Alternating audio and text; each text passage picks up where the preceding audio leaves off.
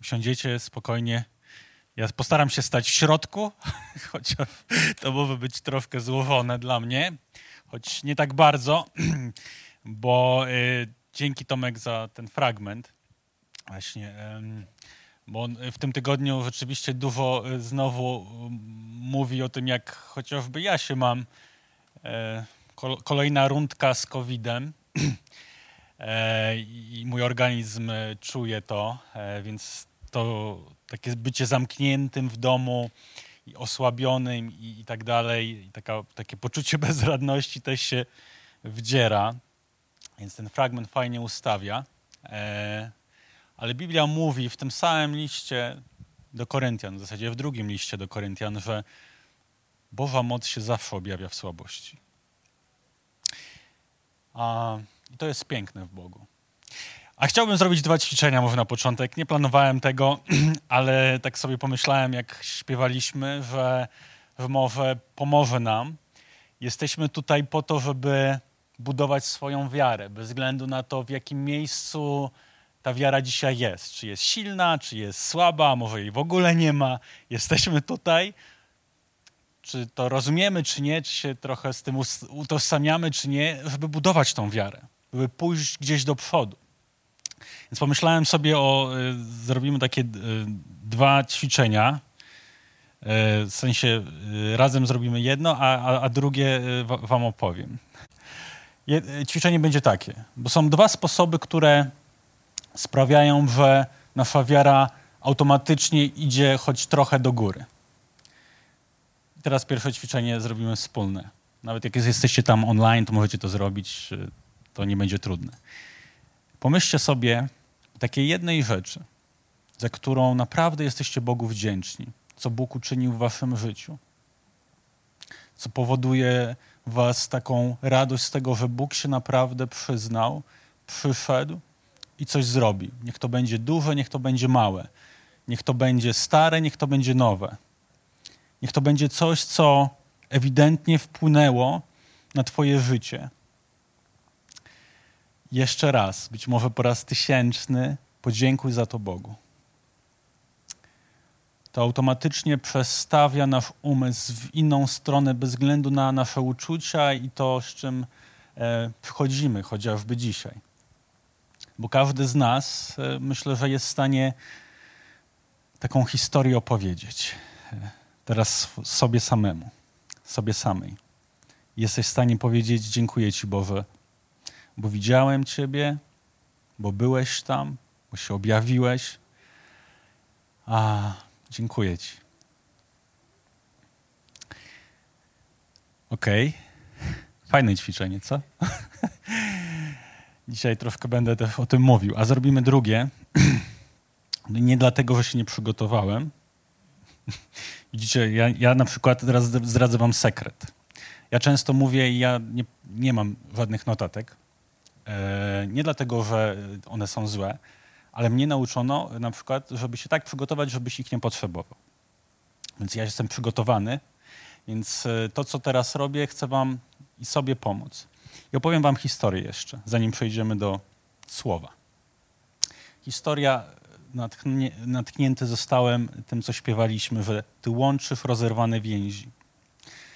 Dosłownie postarałem się powiedzieć długą historię w trzy minuty, żeby nie zabrać czasu. Wiecie, y, moja mama ma siedmioro rodzeństwa. Moja mama uciekła z domu, jak miała 20 lat.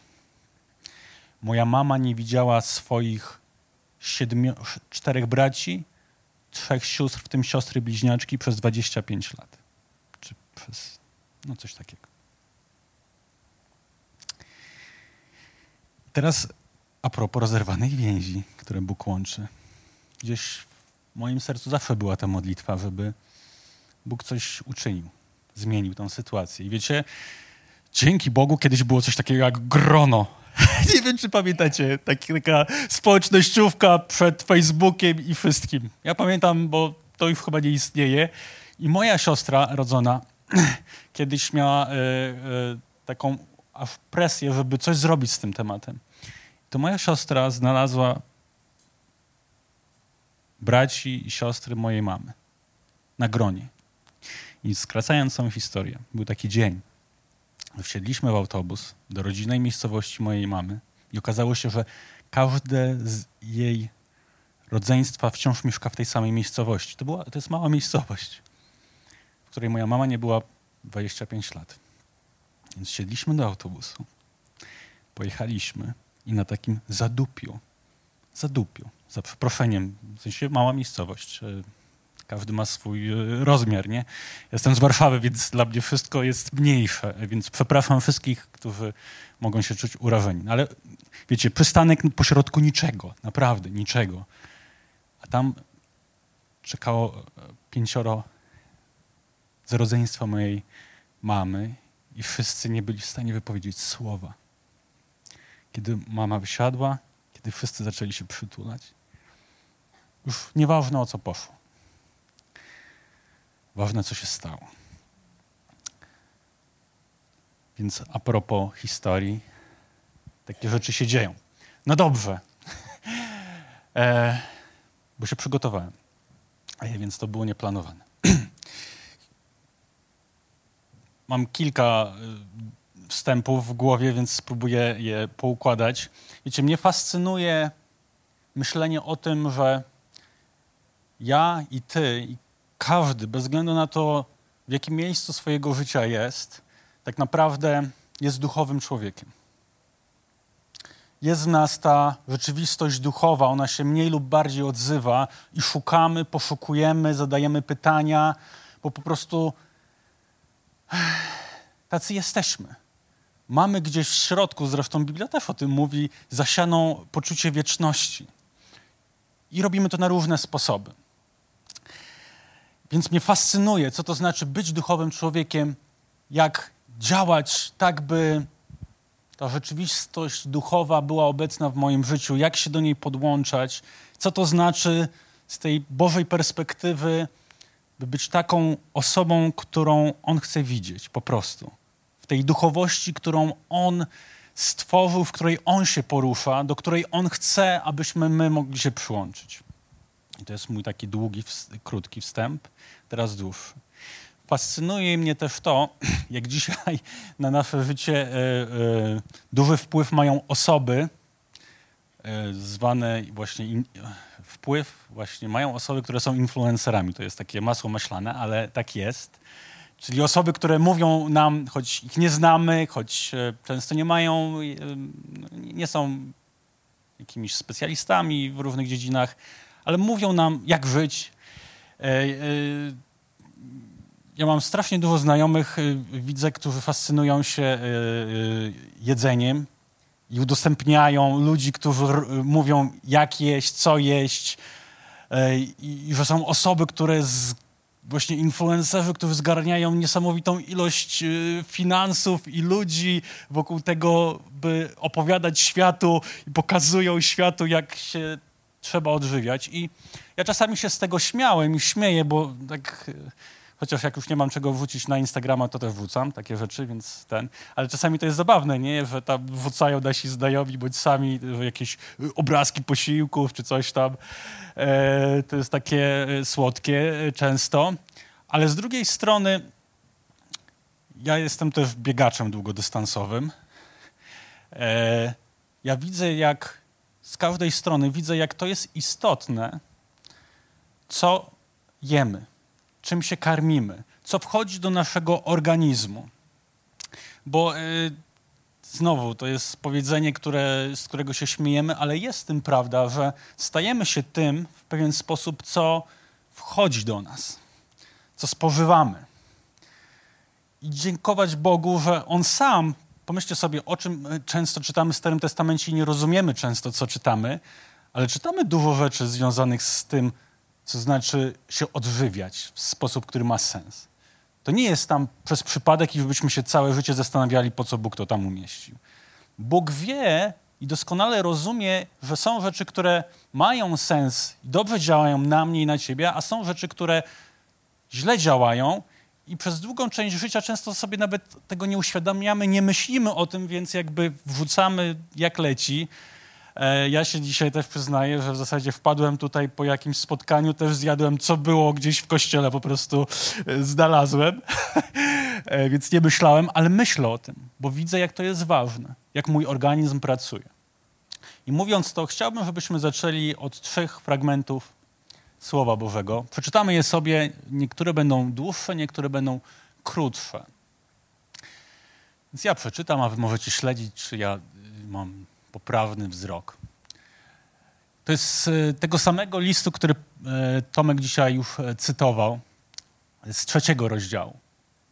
Mówi Paweł, apostoł. Ja też bracia, jak są bracia, to zawsze też trzeba rozumieć, że Paweł ma na myśli siostry. Nie mogłem mówić do was jak do ludzi duchowych. No właśnie. Wow. Mówiłem jak do cielesnych, jak do niemowląt w Chrystusie. Podawałem wam mleko, a nie pokarm stały, bo nie mogliście go przyjąć. Teraz również nie możecie, gdyż pozostajecie cieleśni. Cóż, skoro jest wśród was zazdrość, dochodzi do kłótni, to, czym nie jest, to czy nie jesteście cieleśni, nie postępujecie po ludzku? Kiedy jeden mówi, ja należę do Pawła, drugi ja do Polosa, a trzeci ja do, nie wiem, zielonych do czerwonych, kolorowych, cokolwiek byśmy tam nie napisali, katolików i innych. Czy nie jesteście ludźmi? Kim jest apostoł? Kim jest Paweł? Są narzędziami, dzięki którym uwierzyliście. Każdy zrobił to, co mu wyznaczył Pan. Ja zasadziłem, Apolos podlał, lecz wzrost był sprawą Boga. Nie liczy się zatem ten, kto sadzi, ani ten, kto podlewa, tylko Bóg, który daje wzrost. Kolejny fragment, ten możecie sobie już tutaj y, doczytać. E, możemy? Super. Z Hebrajczyków, bardzo podobne brzmienie. Biorąc pod uwagę czas, powinniście być nauczycielami, tymczasem znowu potrzeba wam kogoś, kto by was uczył elementarnych zasad zawartych w Bożych wyroczniach. Potrzebujecie mleka i znowu ono się pojawia, a nie pokarmu stałego. Jeszcze jeden. One są takie dosyć konkretne. Wiadomo, list do Galacjan, co bierze się z ciała. Nierząd, nieczystość, rozpusta, oddawanie czci bożyszczom, wróżbiarstwo, wrogość, kłótliwość, zazdrość, porywczość, zaczepność, krnąbrność, brak troski o jedność, zawiść, chęć mordu, pijaństwo, rozpasanie i tym podobne. Nie trzeba być wielkim teologiem. Dam wam sekundę, żebyście y, choć chwilę osi- osiadły wasze umysły w tych fragmentach. Nie trzeba być wielkim teologiem, by zrozumieć, że mm, z punktu widzenia apostoła Pawła i autora listu do Hebrajczyków, kimkolwiek on by tam nie był, bo to są teksty pisane do ludzi wierzących. To zawsze były teksty pisane do kościołów. Więc Paweł i inni autorzy, pisząc te listy, nie piszą do ludzi, którzy jakby nie pojednali się z Bogiem i nie żyją jakby dla Boga, ale pisze dla, do ludzi, którzy są ludźmi wiary, są ludźmi kościelnymi. I teraz nie trzeba być znowu egzegetą wielkim, czyli taką osobą, która tam po prostu sięga w oryginalne teksty, wygrzebuje e, znaczenia e, takie dosłowne. Nie trzeba być kimś takim, by zrozumieć, że to teksty są pisane do ludzi wierzących, ale autorzy mają w głowie, że istnieją przynajmniej dwie grupy wierzących ludzi.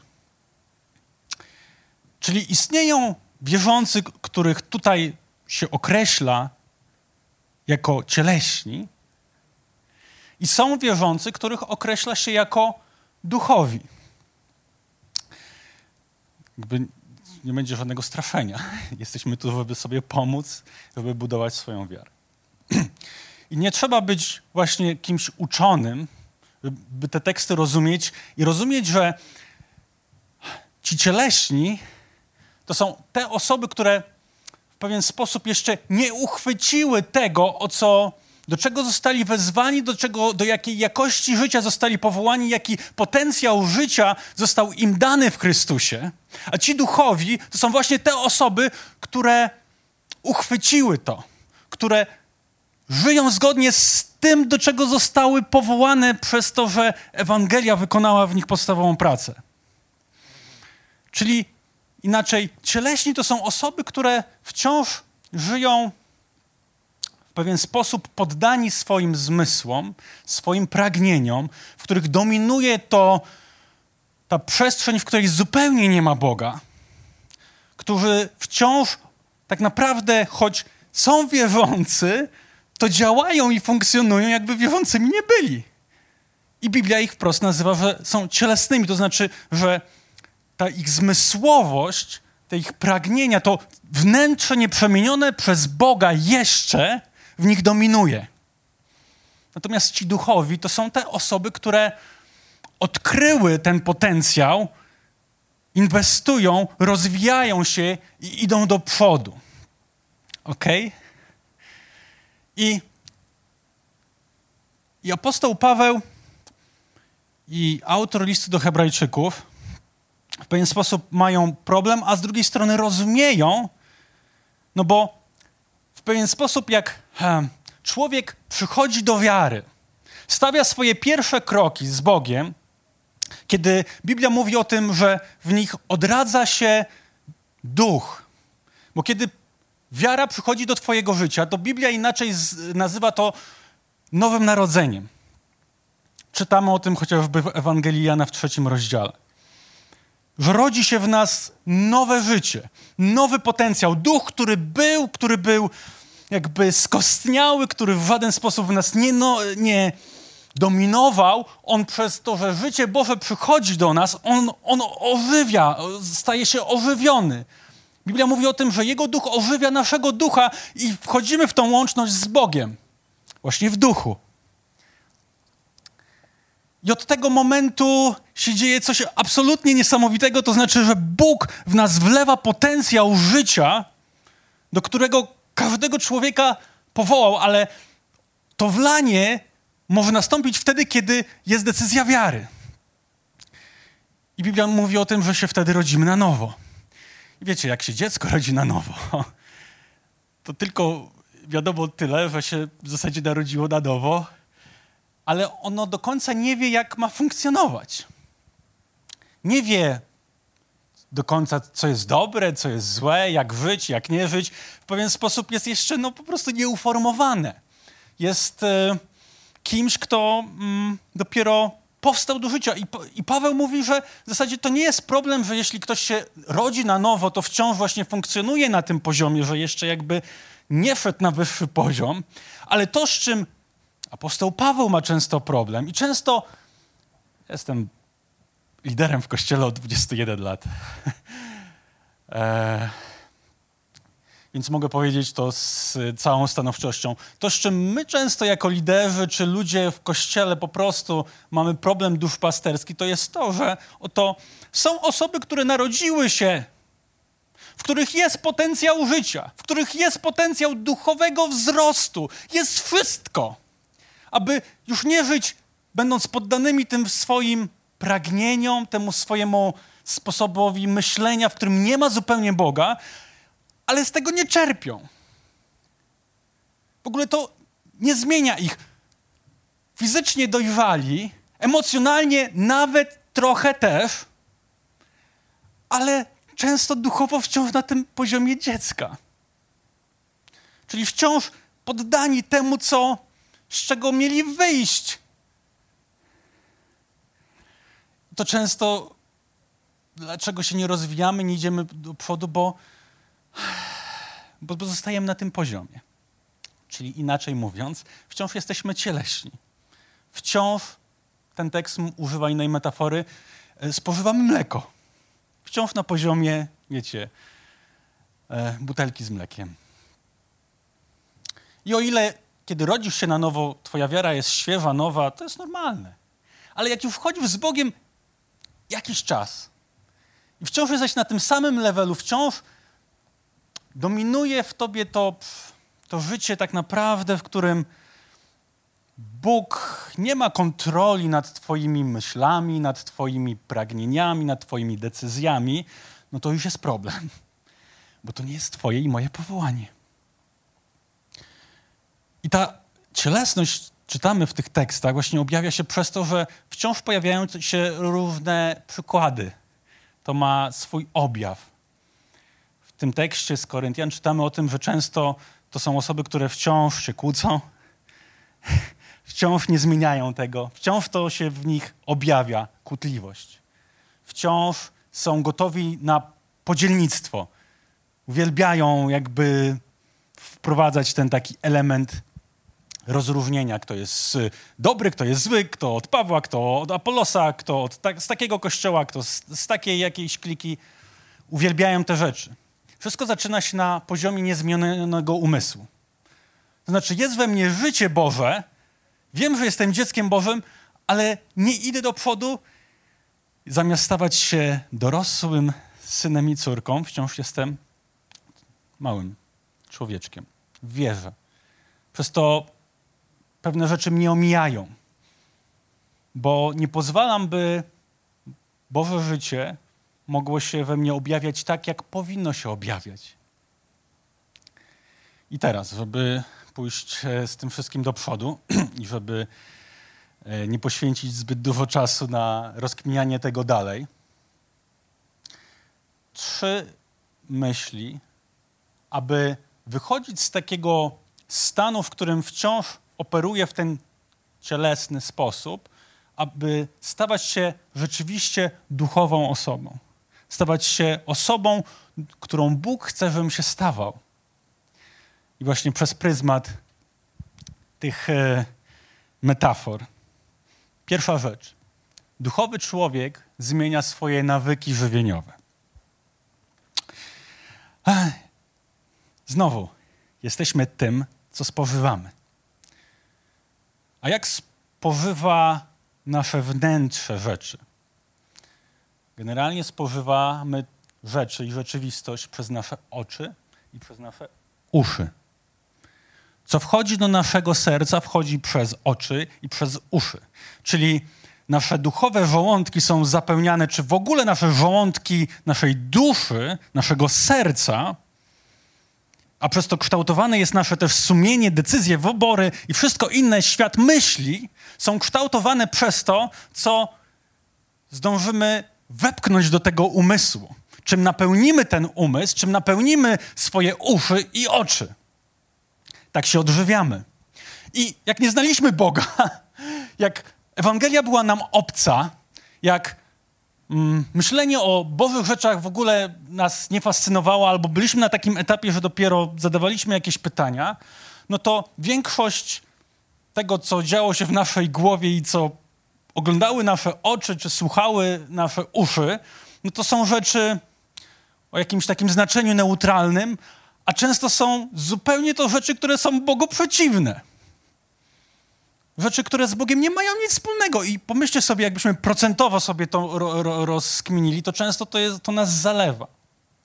I teraz, kiedy stajemy się ludźmi wierzącymi, to żeby przebić się przez tą warstwę cielesności i wchodzić w te, ten wymiar duchowy, stawać się prawdziwie duchowym człowiekiem, musimy pozwolić, by nasze oczy i nasze uszy były karmione zupełnie nowymi rzeczami. Musimy zacząć zmieniać swoje nawyki żywieniowe jako duchowi ludzie. Czyli to, co, czym do tej pory karmiła się nasza dusza, musi się zmieniać. Musimy wprowadzić rzeczy, które karmią naszego ducha, karmią nasze wnętrze, karmią to poczucie i to zrozumienie, czym jest wiara. Kim jest Bóg, kim jestem ja, jak operuje rzeczywistość, w której nagle jestem, bo to narodziłem się do duchowej rzeczywistości. Ale żeby jakby napełniać tego rodzaju żołądek, Bóg daje też bardzo konkretne narzędzia. Dlatego, kiedy mówimy o tym, że tak istotne jest, bo jakie to narzędzia, kiedy mówimy o tym, że tak istotne jest, by czytać pismo, to nie mówimy tego po to, żeby mieć jakieś zrozumienie, że w pierwszym Koryntian to jest o tym i o, o, o, tamtym, a w Apokalipsie jest o tamtym, a w Ewangelii jest o tamtym. Nie, nie robimy tego po to, żeby nasza głowa teraz miała kolejne informacje. Ale robimy to po to, żeby zrozumieć, że Bóg zostawiając tą księgę, w swój ponadnaturalny sposób chce mówić do naszego wnętrza i zmieniać świat naszej, naszych myśli. Chce, by Jego słowa wchodziły w nasz umysł. Dlatego tak ważne jest czytać, ale tak ważne też jest kontemplować, medytować, przeżuwać, siedzieć nad tym, modlić się, co Bóg mówi, poświęcać temu czas, poświęcać temu uwagę, uczyć się tego na pamięć, wypowiadać to swoimi słowami, by to wpadało też na różne sposoby. Ja teraz strasznie dużo czytam, słucham audiobooków i wersji Biblii, żeby mi w, samochod, w samochodzie coś mówiło do mnie. Po to to robimy. Nie jest, Biblia nie jest księgą informacji, choć też jest, ale nie wszystkich akurat. Nie została Biblia dana i napisana, żebyśmy mieli wszystkie odpowiedzi wszechświata. Jeśli tak myślimy o Biblii, to, to nie jest cel napisania tej księgi. Ona została nam dana, by być tym narzędziem, by budować naszego wewnętrznego człowieka. Aby to słowo mogło wchodzić w nasz, w nas, w nasz umysł. Żebyśmy mogli je pamiętać. Żebyśmy mogli je, do niego wracać. W naszym wnętrzu o nim myśleć. Żeby Boże myśli przemieniały nasz umysł. Bo wiecie, jak to działa? Dzisiaj rozmawialiśmy o tym z młodymi na Alfie że wszystko zaczyna się od poziomu naszych myśli, które będą kształtowane. A kiedy myśli są kształtowane, to później kształtują się nawyki. A kiedy nawyki są kształtowane, zaraz przejdziemy do tego, to kształtowany jest nasz charakter. To jest wyższy, kolejny poziom. A kiedy nasz charakter jest kształtowany, zaczyna być dojrzały i duchowy, to to definiuje nasze przeznaczenie to w którą stronę będziemy zmierzać w swoim życiu. Długa rozkmina, myśli, nawyki, charakter, przeznaczenie. Dlatego ważne jest słowo, ważna jest rozmowa z Bogiem, ważne jest spędzanie z Nim czasu, nawet jeśli to jest czas, kiedy nic Ty nie mówisz, ale pozwalasz, żeby On mówił. Tak ważne jest być częścią wspólnoty, być częścią ludzi, którzy spotykają się, żeby budować swoją wiarę. Bo we wspólnocie jest synergia. Samemu możesz coś wynieść, ale kiedy naczynia są połączone, to w tym jest więcej jeszcze Bożego potencjału. Dlatego się spotykamy. Dlatego chcemy być razem, żeby budować swoją wiarę, żeby nasz duchowy człowiek mógł rosnąć. Myśmy się stawali dojrzali. Tacy, jacy powinniśmy być. Do czego zostaliśmy przeznaczeni, wezwani, więc możemy używać dziesiątków narzędzi post. Od czegokolwiek. Aby właśnie nie karmić tych swoich ciągłych, wiecie, stymulantów w głowie, ale żeby rezygnować z pewnych rzeczy w swoim życiu. Minimalizm. Takie niepopularne, równe stwierdzenia, ale one redukują to poleganie na tej części, która we mnie wciąż jest, w której Boga nie ma a zapraszają Boga. I tych narzędzi jest całe mnóstwo. Ale przejdźmy do drugiego punktu. Drugi jest taki, bo to wszystko jakby jest ważne. Duchowy człowiek odżywia się regularnie. Żeby być zdrowym, żeby być duchowym, by żyć zgodnie z tym potencjałem, który Bóg w nas złożył przez Ducha Świętego, musimy też e, wykonywać tą swoją część. To jest zawsze współpraca w relacji, zawsze jest współpraca. To się samo nie dzieje, to nie jest automat. To nie jest też tak, że nie wiem, odczytam dzisiaj Pismo Święte, naładuję się na cały tydzień, przyjdę na spotkanie w niedzielę, naładuję się na cały tydzień, a później, a może w następnym tygodniu to nie przyjdę, a, albo coś tam albo jutro mi się nie chce, albo wiecie, nie wiem jak wy. Ja na przykład nie wyjdę z domu bez śniadania. Obiad zaliczam, kolacji coraz mniej. No właśnie ze względu na te moje pomysły y, z, z bieganiem. Ale staram się być w tym regularny i zakładam, że w jakimś stopniu my też przy, przynajmniej trzy posiłki spożywamy. I w tym jesteśmy regularni. Dlatego tak istotne jest to, żeby być regularnym w tym swoim ładowaniu swojego ducha. Że to by, żeby to nie było randomowe. Że to, by, to nie było od czasu do czasu. Żeby to nie było, kiedy mi się chce.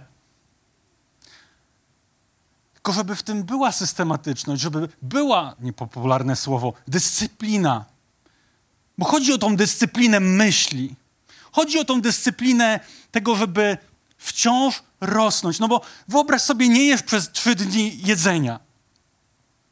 Już są zmiany w Twoim życiu. A jak często po prostu trzy dni bez relacji z Bogiem.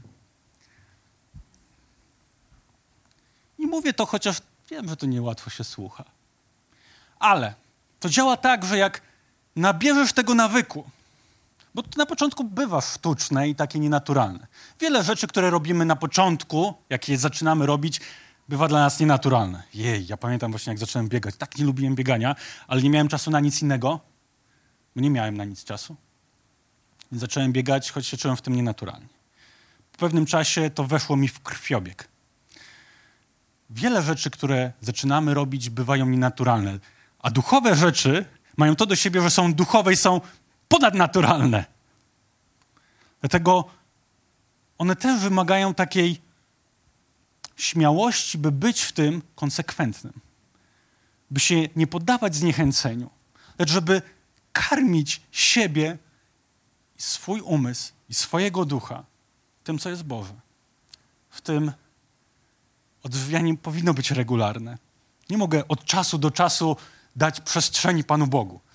Bo jeśli tak to funkcjonuje, to nigdy nie wzrośniesz. Jeśli to jest randomowe, to nigdy nie pójdziesz do przodu. Nigdy nie będzie więcej wiary, nigdy nie będzie więcej dojrzałości, nigdy nie będzie więcej poznania Boga. Będzie to samo, będzie cielesność. Będziesz wciąż tak niziutko w tym wzroście z Bogiem. A to nie jest Twoje ani moje przeznaczenie. Moim przeznaczeniem jest być dojrzałym i duchowym. Ktoś powie, że trudna to mowa, ale niech tak zostanie. I ostatnia myśl. Duchowy człowiek wprowadza nowe rzeczy do swojej diety. Ja pamiętam, e, wiecie, do 14 roku życia mniej więcej, nie, tak moja mama może to bardziej potwierdzić, ja jadłem tylko bardzo określony zestaw rzeczy. Naprawdę, wiecie, i to były takie typu kanapki, y, kotlet i ziemniaki. W sensie nic więcej. Słuchajcie, przyznaję się, do McDonalda poszedłem pierwszy raz, jak miałem 15 lat. Bo ja po prostu nie byłem w stanie patrzeć na hamburgera. A żeby już mówiąc o innych rzeczach, to nie byłem w stanie. Po prostu, wiecie, mój umysł ani moje, moje emocje nie były gotowe, żeby coś nowego wprowadzić, żeby coś dodać. Ja się czułem bezpiecznie w tym, co miałem. I teraz. Często przez to, że hmm, zamykamy się w jakichś rzeczach, które też z Bogiem mamy, nie idziemy do przodu, nie, nie sprawdzamy, nie eksperymentujemy, nie, nie zmieniamy, nie dodajemy. To właśnie może być tak, że to nas blokuje, żeby się rozwijać duchowo. Ja pamiętam, jak byłem na takim etapie, że pomyślałem, ja teraz chyba jestem, stoję w miejscu. Nie, nie, nie rosnę. Więc stwierdziłem, muszę coś zrobić. No bo jak to tak jest? Więc stwierdziłem, dobra, w takim razie będę czytał troszkę inaczej Słowo Boże. Albo stwierdziłem sobie wtedy, dobra, e, nie lubiłem nigdy, ale będę sobie puszczał muzykę uwielbieniową. Przepraszam, nie lubiłem. Albo pomyślałem sobie, te konferencje nigdy mnie nie kręciły, ale pojadę tam. Naładuję się. Będę otwarty.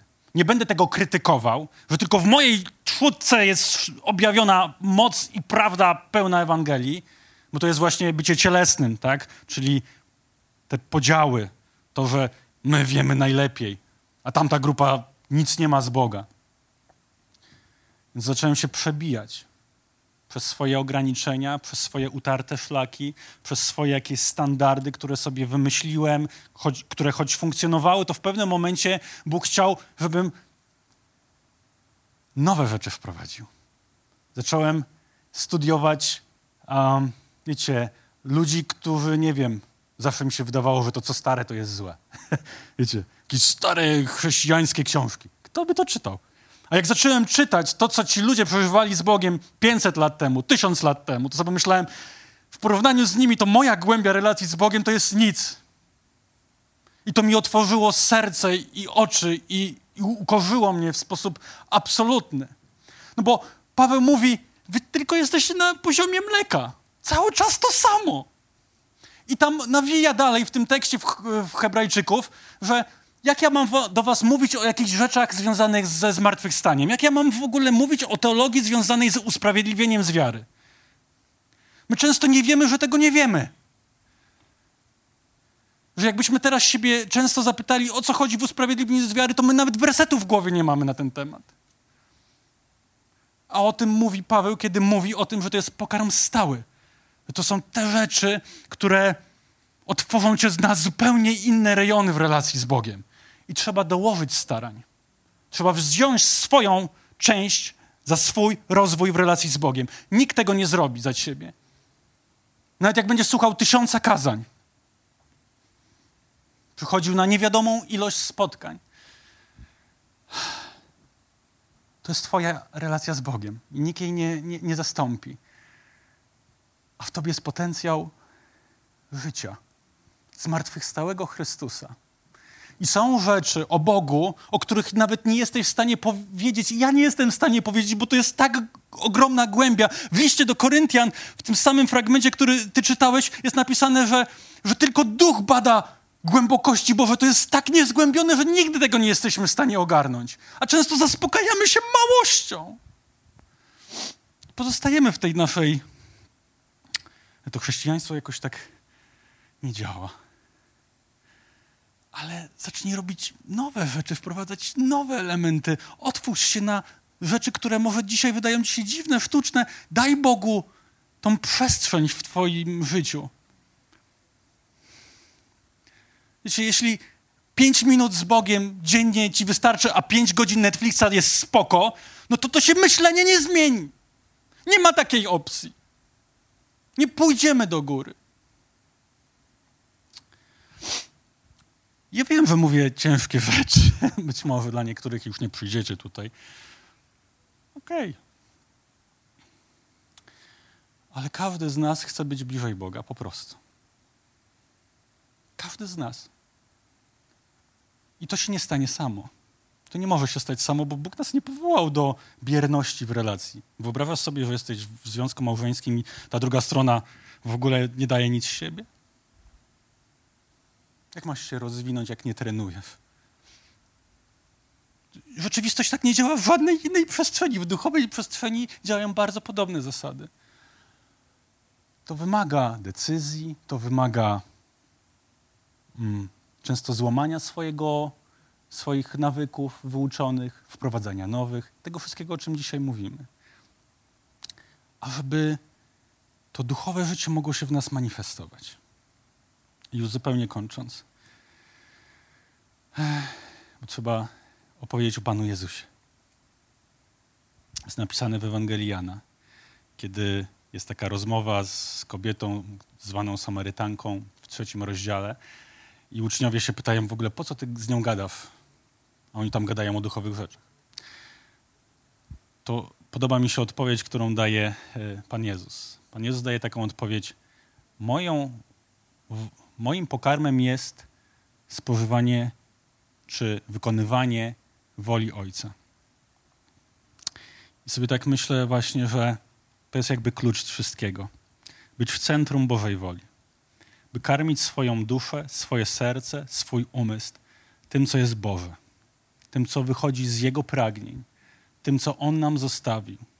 Bo jeśli ty i ja odkryjemy, jak wiele mamy w Chrystusie Jezusie i że przez Ducha Świętego mamy nieograniczony dostęp do Bożych łask. Ja używam teraz żargonu kościelnego z premedytacją, ale pomyślcie sobie, ile jest w tym głębi.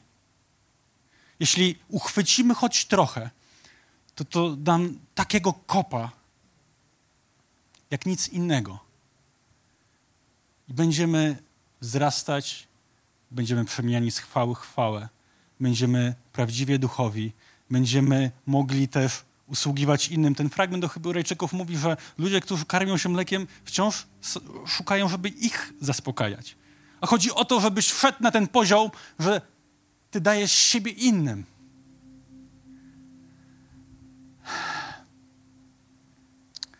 Bo Pan Jezus wypełnił wolę Ojca. Jego pokarmem było realizowanie Bożej woli, która najcudowniej, najbogaciej zrealizowała się, kiedy wypowiadał znowu te słowa: Nie moja wola, Ojcze, lecz Twoja. To czasami jest trudne. Ale jeśli jest to częścią Bożej woli dla Twojego życia, to naprawdę tracimy, kiedy w to nie wchodzimy. Tracimy czas, wysiłek, potencjał Boży. A Chrystus Jezus oddał wszystko. Biblia mówi o tym, że On się mm, wyzbył samego siebie. Stał się sługą dał sobie zrobić to, co dał sobie zrobić. Abyśmy mogli też rozumieć, że czasami to kosztuje i w tym jest element umierania dla samego siebie. Ale inaczej się nie da przebić do realizowania Bożej woli, do wzrostu, do stawania się duchowym człowiekiem. Więc zmieniaj nawyki, żeby było więcej rzeczy, które karmią Twojego ducha Bądź w tym regularny. Niech wchodzą nowe rzeczy do Twojego życia. Niech nowe narzędzia, nowe sposoby, nowa forma, jakkolwiek. Dawaj Bogu szansę w tym wszystkim.